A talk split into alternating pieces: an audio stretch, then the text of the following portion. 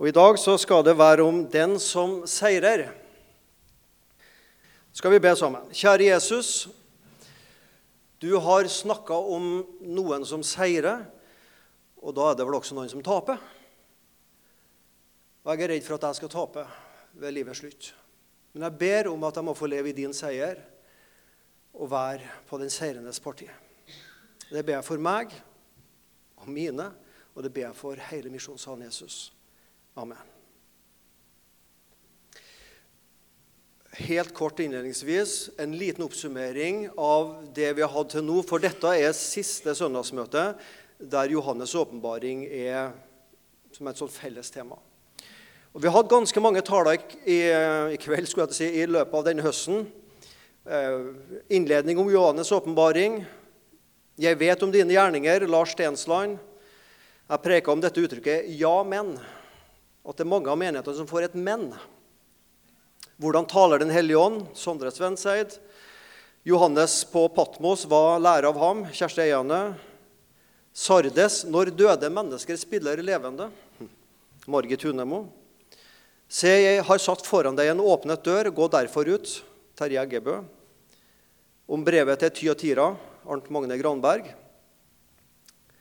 Par-tre uker siden preka jeg om Smyrna, seier på tross av eller nettopp gjennom forfølgelser. Og for to uker siden Jesus som dommer med Sølve Salte. Alle disse talene kan du høre igjen på misjonssalenpodkast.com. Misjonssalenpodkast.com, og det legger linke også i den ukentlige nyhetsmedien. Alle de sju brevene er ganske likt bygd opp. Dette sier han som og så kommer det en beskrivelse av Jesus. Og så sier Jesus 'Jeg vet om'.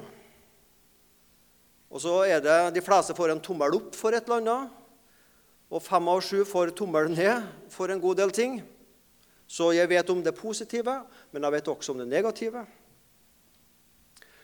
Og så avsluttes det med 'Den som har ører, han hører hva Ånden sier til menigheten'. 'Den som seirer' Og så kommer det noen ord etterpå. 'Den som seirer'. Og det skal også være avslutninga i dag. Hva forbinder du med seier i kristenlivet? En seirende kristen. Hva slags bilder hopper opp i hodet ditt? Og Jeg googla det. Bilder. Så skriver du det på engelsk, da får du litt mer bilder. Så fant jeg f.eks. de to bildene her. Total victory. Yes. Obtaining victory through prayers. Halleluja. Ikke sant? Du har den? The Victorious Christian Life det var en kinesisk eh, samling en gang i 2013. Det var to av mange bilder jeg fant om seier i kristenlivet. Og så er det et sukk iallfall hos meg, og jeg tror det er gjenkjennelig hos flere. Åh, tenk å kunne levd mer i seier. ja, tenk å kunne levd mer i seier. Hva vil det si å seire som kristen? Kanskje tenker du noe som følgende. Jeg tenker gjerne det. At jeg blir mer åndelig at jeg har mindre stygge tanker om andre mennesker. At det er færre spydige og sårende ord. Mindre sur og gretten på ektefelle og barn. Færre begjærlige blikk på og forbudte tanker om det motsatte kjønn. Mindre tid på dårlige og tanketomme TV-programmer. Større frimodighet og vilje til å vitne om trua på Jesus. Mindre penger på klær og pyntegjenstander, bil og hytte og mer til misjon. Det at jeg flytter blikket mer fra mobibelen til Bibelen. Be om større glede og økt konsentrasjon og færre tankeavbrytelser når jeg ber. At det bobler over med nådegaver i livet mitt. Og gjør tjenester i menigheten sjøl når jeg vet at det bare er Gud som ser det jeg gjør. Du får mer du får det meste av det du ber om. At du har suksess i bønnelivet, det må være seier. At jeg kan legge meg om kvelden og tenke over dagen og uten å komme på en eneste synd som jeg har gjort i løpet av dagen. Ja, tenk det. Det må være seier. Amen. Halleluja. Slike, gamle, slike gutter og jenter vil gamle Norge ha. Tre ganger hipp hurra og amen. Hæ? Er det seier i kristenlivet? Jeg tror mange av oss tenker litt i de banene der. Og ja, jeg sier ikke dette for å karikere. Men når jeg leser Johannes' åpenbaring, kapittel 2 og 3, om de som seirer, så er det et litt annet bilde som møter oss. Helt kort så skal jeg lese det som står til de sju menighetene om å seire disse setningene. Men Jeg skal ikke preke over alle, for det er ikke tid til. Men jeg skal ta fram noe. Men først skal vi lese det. Den som seirer, ham vil jeg gi å ete av livets tre, som er i Guds paradis. Det var til feserne. Og til Smyrna.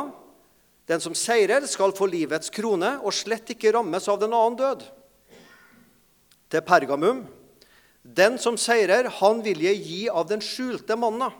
Og jeg vil gi ham en hvit sten, og på stenen er et nytt navn skrevet som ingen kjenner uten den som får det. Og seier til Tyatira. Den som seirer, og som tar vare på mine gjerninger inntil enden, han vil jeg gi makt over folkeslagene. Han skal styre dem med jernstav og knuse dem som leirkar, slik som også jeg har fått det av min far og jeg vil gi ham morgenstjernen. Til Sardes. Den som seirer, skal på samme vis bli kledd i hvite klær. Jeg skal så visst ikke utslette hans navn av livets bok, og jeg vil kjennes ved hans navn og for min far og for hans engler. Til Philadelphia. Den som seirer, han vil jeg gjøre til en støtte eller til en søyle i min Guds tempel. Og han skal aldri mer gå ut derfra. Og jeg vil skrive på ham min Guds navn og navnet på min by, det nye Jerusalem, som kommer ned fra himmelen fra min Gud, og mitt eget navn, det nye. Og til slutt til Laodikea. Den som seirer, ham vil jeg gi å sitte med meg på min trone, liksom jeg òg har seiret og satt meg med min far på hans trone. Det er det Jesus vil si til disse sju menighetene om å seire. Og så kan jeg tenke min liste opp mot dette. Ja, noe overlapping er det. Men mye av det som jeg gjerne tenker om seier i kristenlivet, det skrives ikke kanskje så mye om det her. Sjøl om det som står her, ikke er alt som sies om seier i kristenlivet. For det står jo mer om det i Nytestamentet enn akkurat dette. Den som seirer, skal spise av et tre, eller frukten av på tre, skal få ei hvit kappe, navnet i livets bok, en krone på hodet. Morgenstjernen skal gå opp i hans liv. Skal spise av den skjulte manna.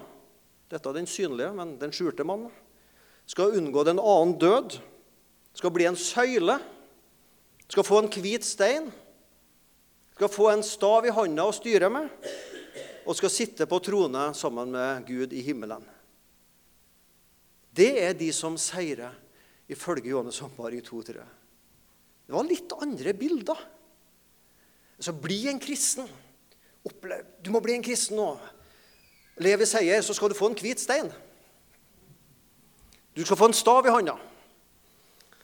Du skal få spise av noen frukter på noe tre. Ja, Vi skjønner at dette er bilder av overført betydning. Men det var litt andre ting enn kanskje jeg i utgangspunktet hadde tenkt hva det vil si å seire. Jeg skal ta dere med bitte litt, som sagt, i dag til noe av det som står her. Og Vi starter med Smyrna. Den som seirer, skal få en krone, livets krone. En uforgjengelig, uvisnelig krans. En usynlig kongekrone er satt på ditt og mitt hode som kristne. Det er usynlig i dag. Dere ser ikke noe krone på meg, og langt fra noe glorie. Jeg ser ikke så mange kroner uten jeg kikker ut i salen heller. Men vi har det usynlig. Vi eier det i Kristus. Og en dag Vi er kongebarn. Du som seirer, du som kjemper kampen gjennom livet og står trosløpet ut. Du skal få regjere med Kristus. Det er seier. Og du skal unngå den annen død. Disse første kristne som dette tar til, de var forfulgt og presset på en helt annen måte enn det vi kan oppleve. Vi kan synes vi kan kjenne litt av det i våre dager, men de opplevde det mye sterkere. Og Mange av dem sto nesten ansikt til ansikt med den første død. Hvis du ikke frasier deg trua på Jesus, så vil du møte den første død. Og så sier Jesus til disse forfulgte kristne det å seire du, Jeg kan ikke love deg at du skal unngå den første død, men du skal slippe den annen død, for den er mye verre. Det finnes noe verre enn den første død. Det er å miste det evige livet hos Gud og gå fortapt. Det er å seire og unngå fortapelsen. Til Pergamum den som seirer, skal få en hvit stein. Og Det syns jeg var merkelig snodig. Hvis jeg har fått en liten hvit stein i julegave, så hadde jeg følt meg litt snytt. Da måtte det være hvis det var en veldig verdifull perle, da, som jeg kunne pantsette og få noe penger for. Men ellers så ville jeg tenkt en liten hvit stein det var ikke mye verdi i. Så jeg måtte jo slå opp i noen kommentarer. Hva betyr dette her? Jo, en hvit stein det var brukt som et synlig tegn på frifinnelse. I domssalen så fikk du enten en svart stein eller en hvit stein. Dømt skyldig, eller du går fri. Du får en hvit stein som er tegn fra Gud. Du skal gå fri i dommen. Det var seiersbevis og medalje. Det var ikke noen fine sånn gull du, får på eh, jeg skulle si LO OL, heter det. OL ikke sant? og VM og sånn. Men det var en hvit stein du fikk. Det var seierssymbolet. Du skal seire som kristen. Få en hvit stein. Og Så ble den også brukt som vennskap. Man tok en stein og delte den i to og rissa inn navnet. Og så bytta man stein liksom for at man er hverandres venner. Noen, kanskje helst jenter, har noen sånne smykker det står et navn på, og så gir man halve smykket til ei anna venninne, og så bærer man hverandres navn. liksom. Jeg har sett noen jenter har det der. Et flott bilde. I dommen skal vi frifinnes. Vi skal seire. Og vi kan være trygge på at Jesus har vårt navn. Han er vår venn. Han vil dele sitt vennskap med oss. Det er seier i kristenlivet. Til Sardes. Den som seirer, skal bli kledd i hvite klær. Jeg liker gjerne litt farger på klærne mine, men skjorta må gjerne være hvit. Men det er litt sånn forskjellige farger som jeg syns klær meg, eh, som kona syns klær meg. Hvite klær er festdrakt. Det er seiersdrakten. Jesus på Forklarelsens berg han skint, klærne var hvitere enn snø. Hvitere enn blendavitt, som det heter. Englenes klær var hvite. Den frelste skaren skal ha hvite kapper, står det i Åpenbaringa 7,9. Den store, hvite skare. Og de troende vas de har vaska sine kapper hvite i lammets blod, står det i Åpenbaringa 7,14. Og Det der er en spesiell vaskeprosess. For du og jeg er skitne av synd. Jeg er svart av synd. Og så tar Gud altså min svarte, skitne kappe og dypper den i rødt blod. Og når han drar opp den, så er den hvit. Ikke sant? Det er en spesiell vaskeprosess. Du dypper noe i noe blodrødt, og så kommer det opp hvitt og rent. Du har lest Jesaja 1,18. Om syndene deres er som purpur, skal de bli hvite som snø. Er de røde som skarlagen, skal de bli hvite som ull. For mange år siden hadde jeg noen venner på Toten som drev et renseri, og de var kristne. Så de hadde dette bibelverset som slagord for sitt renseri. Om dine matter er røde som skarlagen, skal de bli hvite. Ja, men tenk så mye større. Mitt skitne liv og ditt skitne liv dyppes i Jesu blod. Og så er vi rein i Guds øyne. For en vaskeprosess. Rense og rein i Jesu blod. Det er å seire, folkens. Og så er navnet vårt skrevet inn i livets bok, står det her. Den som seirer, har fått sitt navn i livets bok, sier Jesus til Sardes-menigheten. Denne menigheten der det var mange døde, egentlig, i troa. Men det var en rest av brennende kristne. De som hadde sitt navn i livets bok. Gud har et dobbelt bokholderi. Hva mener jeg med det? Gud har i alle fall to bøker. Han har ei bok i himmelen der mitt liv er oppskrevet, og ditt liv er oppskrevet. Og det er ikke bare lystig lesning. Men han har ei bok til, som er hovedprotokollen, og det er livets bok. Og der er vi innskrevet, vi som er vaska rein i lammets blod.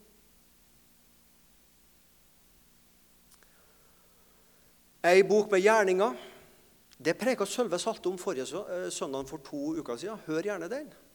Om lønn etter gjerninga. Det var en utfordrende tale.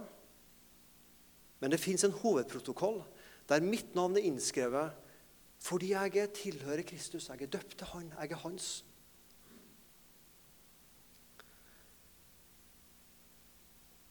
Da jeg ble døpt, da jeg kom til en personlig tro på Gud, så ble mitt navn ført inn i denne protokollen. Og den blir der helt til jeg melder meg ut sjøl, flytter ut av Guds rike. Om jeg skulle en gang gjøre noe så dumt.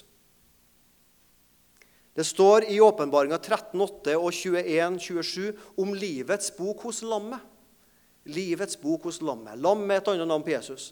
Og jeg i min barnslige tanke ser for meg at Jesus sitter i en godstol, Ekornes relax-stol, og så har han ei svær bok, og så leser han navnet mitt. Og så sitter jeg på jorda, i min stol, og så leser jeg Bibelen om Jesus. Så kan jeg si, 'Jesus, jeg sitter og leser om deg her i Bibelen.' 'Jeg vet det, Svein, og jeg sitter her oppe og leser om deg i Livets bok.' Tenk så flott! Vi sitter på jorda og leser om Jesus, og han sitter i himmelen og leser vårt navn. Og så lengter vi etter hverandre den dagen da han skal møte oss, for vårt navn sto i livets bok og fordi vi skal møte Han som vi leser om og elsker. Det er å seire.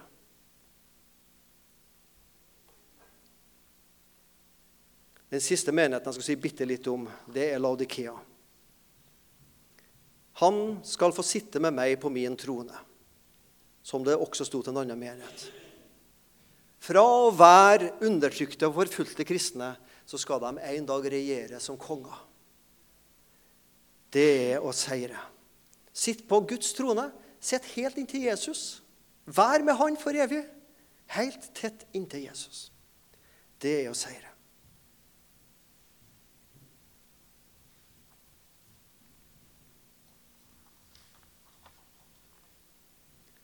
Her er det en som vil seire.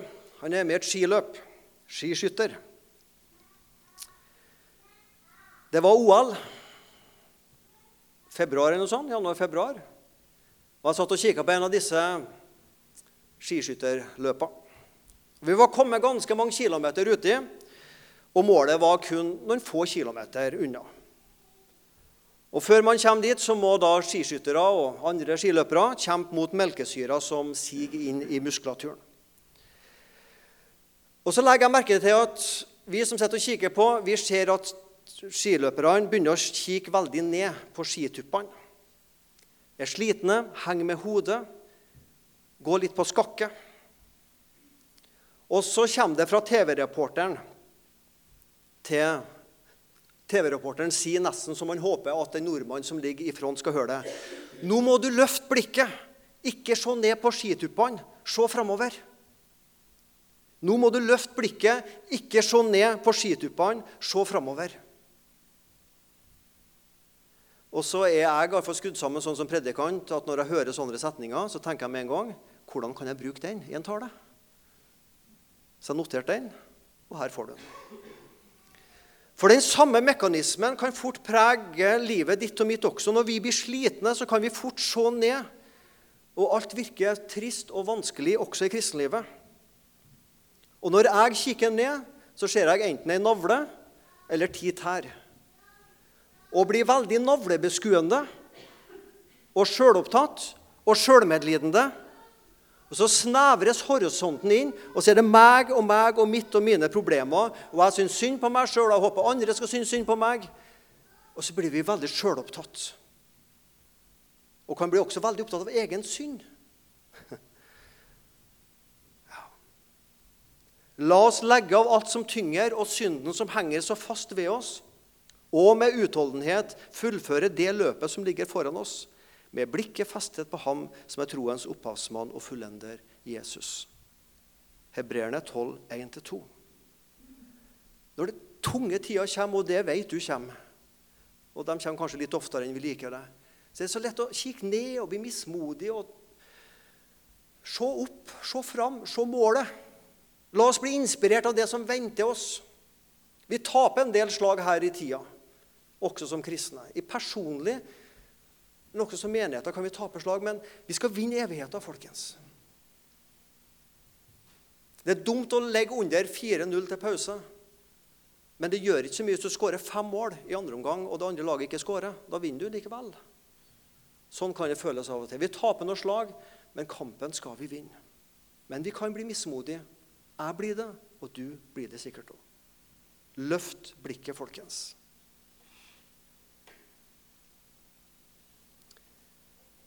Se, jeg står for døren og banker. Om noen hører min røst og åpner døren, da vil jeg gå inn til ham og holde nattverd med ham, og han med meg. Åpenbaringa 3.20. Det er vel et av de fineste bibelversene som er i Bibelen. Og vet du, denne, Disse ordene er sagt til den menigheten som desidert fikk mest tommel ned, Laudikea. Laudikea det er navnet du aldri finner på ei kirke og bedehus i Norge. Det er ingen som kaller seg Laudikea. De som var lunken, som gjev du var varm eller kald, men jeg vil spytte deg ut av min munn, så du er lunken. De får høre Se, jeg står for døra og banker. Hvis du hører min røst og åpner døra, da vil jeg gå inn til deg, sier Jesus, og holde nattvær med deg. Det er altså et løfte til lunkne kristne i Laudikea til noen som av Jesus sjøl fikk følgende karakteristikker ussel, ynkelig, fattig, blind og naken. Hadde Jesus skrevet et brev til meg og skulle lese opp det for Misjonssalen Dette er tilstanden i Misjonssalen, så hadde jeg slutta på sekundet. Og jeg har gått i en djup kjeller som jeg tror jeg aldri kommet opp av. Men til sånne lunke kristne så kommer Jesus med dette løftet, folkens. Og er ikke det en trøst? Dette er ikke et løfte til superkristne, åndelige kristne. Men det er løftet til dersom du vender om, så skal du få oppleve det, du som er ynkel, fattig, blind og naken. Og Hvis du har vært på en del bedehus rundt omkring i Norge, så har du sett mange sånne malere som du som liten gutt og jente gjerne sto og kikka på og tenkte Hva betyr det der? Og så har du sikkert lagt merke til at eh, den døra som Jesus banker på, har ikke noe dørklinke på utsida. Det er kun en dørklinke på innsida. Det er vi som åpner. Jesus buldrer ikke inn i våre liv. Det er vi som åpner for han.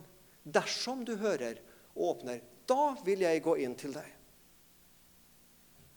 Men så er det også en annen ting ved bildet her. For dette bildet sier ikke alt. Det fins et bilde der det kun er ei klinke på utsida og ikke på innsida. Og det Jesus vil si Se, endetida nær, og jeg står for døra og banker på i endetida. Jeg kommer snart. Og plutselig kommer jeg. Det er jeg som lukker opp. Du kan ikke lukke opp og se når endetida er her og Jesus kommer igjen. Den håndtaket har Gud alene hånd om. Da må du være klar. Da må du være rede. Lytt, se, vær våken. Vær årvåken og vær beredt. Men for en trøst. Dette sies til lunkne, sløvne kristne, som også jeg kanskje av og til en del av. Helt til slutt. Den som seirer, seirer gjennom Kristus. Er ikke det flott? Du trenger ikke å se på deg sjøl som et superåndelig menneske. Men se på Jesus som ditt liv, som din superåndelige frelser. Jeg kan få gi min pris og takk og tilbedelse til Jesus for den seier han vant for meg og for deg. Jesus' seier er nærværende. Den er til stede i den daglige kristne livet og kampen jeg står i, og de lystene jeg må kjempe med. Så er Jesus' seier nærværende. Men Jesus' seier er også framtidig. Den endelige seieren vi som kristne skal få del i når han kommer igjen. Paulus skriver i Romerne 8,37.: I Jesus vinner vi mer enn seier. Vi vinner over døden, vi seirer over verden, og seieren vinnes ved tro. Og vi seirer over slangen i kraft av lammets blod og i kraften av vitnesbyrdet, som det står i åpenbaringa 12,11. Vi seirer over slangen, djevelen, i kraft av lammets blod og i kraften av vitnesbyrdet. I alt dette så vinner vi seier, folkens. Fordi Jesus seier over det onde, den onde, og Jesus seier over Guds vrede over synd. I korset så eier vi frihet fra syndas skyld og fra syndas makt. Vi sliter med synd, og vi kjenner makta. Jeg kjenner den i meg, og du gjør det. Men i Kristus er vi fri, for han har vunnet seier over syndens makt også. Et tomt kors, ei tom grav, betyr en full himmel av Jesus. Han er 100% fullt og helt til stede i himmelen fordi korset er tomt, og graven er tom, og Jesus lever, og han er i himmelen. Nå venter han bare på å kakke på døra og en dag si, kakke på for å si at 'nå er jeg her snart'. En dag tar han i klinka, og så åpner han opp, og så er dommen her, og så er evigheten foran oss. Må Gud gi at vi finnes og blir frelst og får tilbringe evigheten med Han i himmelen. Herre Jesus, du kjenner mitt liv. Min synd, mine bekymringer, mine nederlag og alle disse tingene som jeg heldigvis slipper å stå her og bekjenne. Du kjenner dem, og du har vunnet over dem. Alt det som vi kjenner på, vi som sitter inne her. Herre Jesus, la oss legge det fram for deg. Og så lever vi i din seier daglig, og vi lever i din framtidige seier, Herre Jesus. Amen.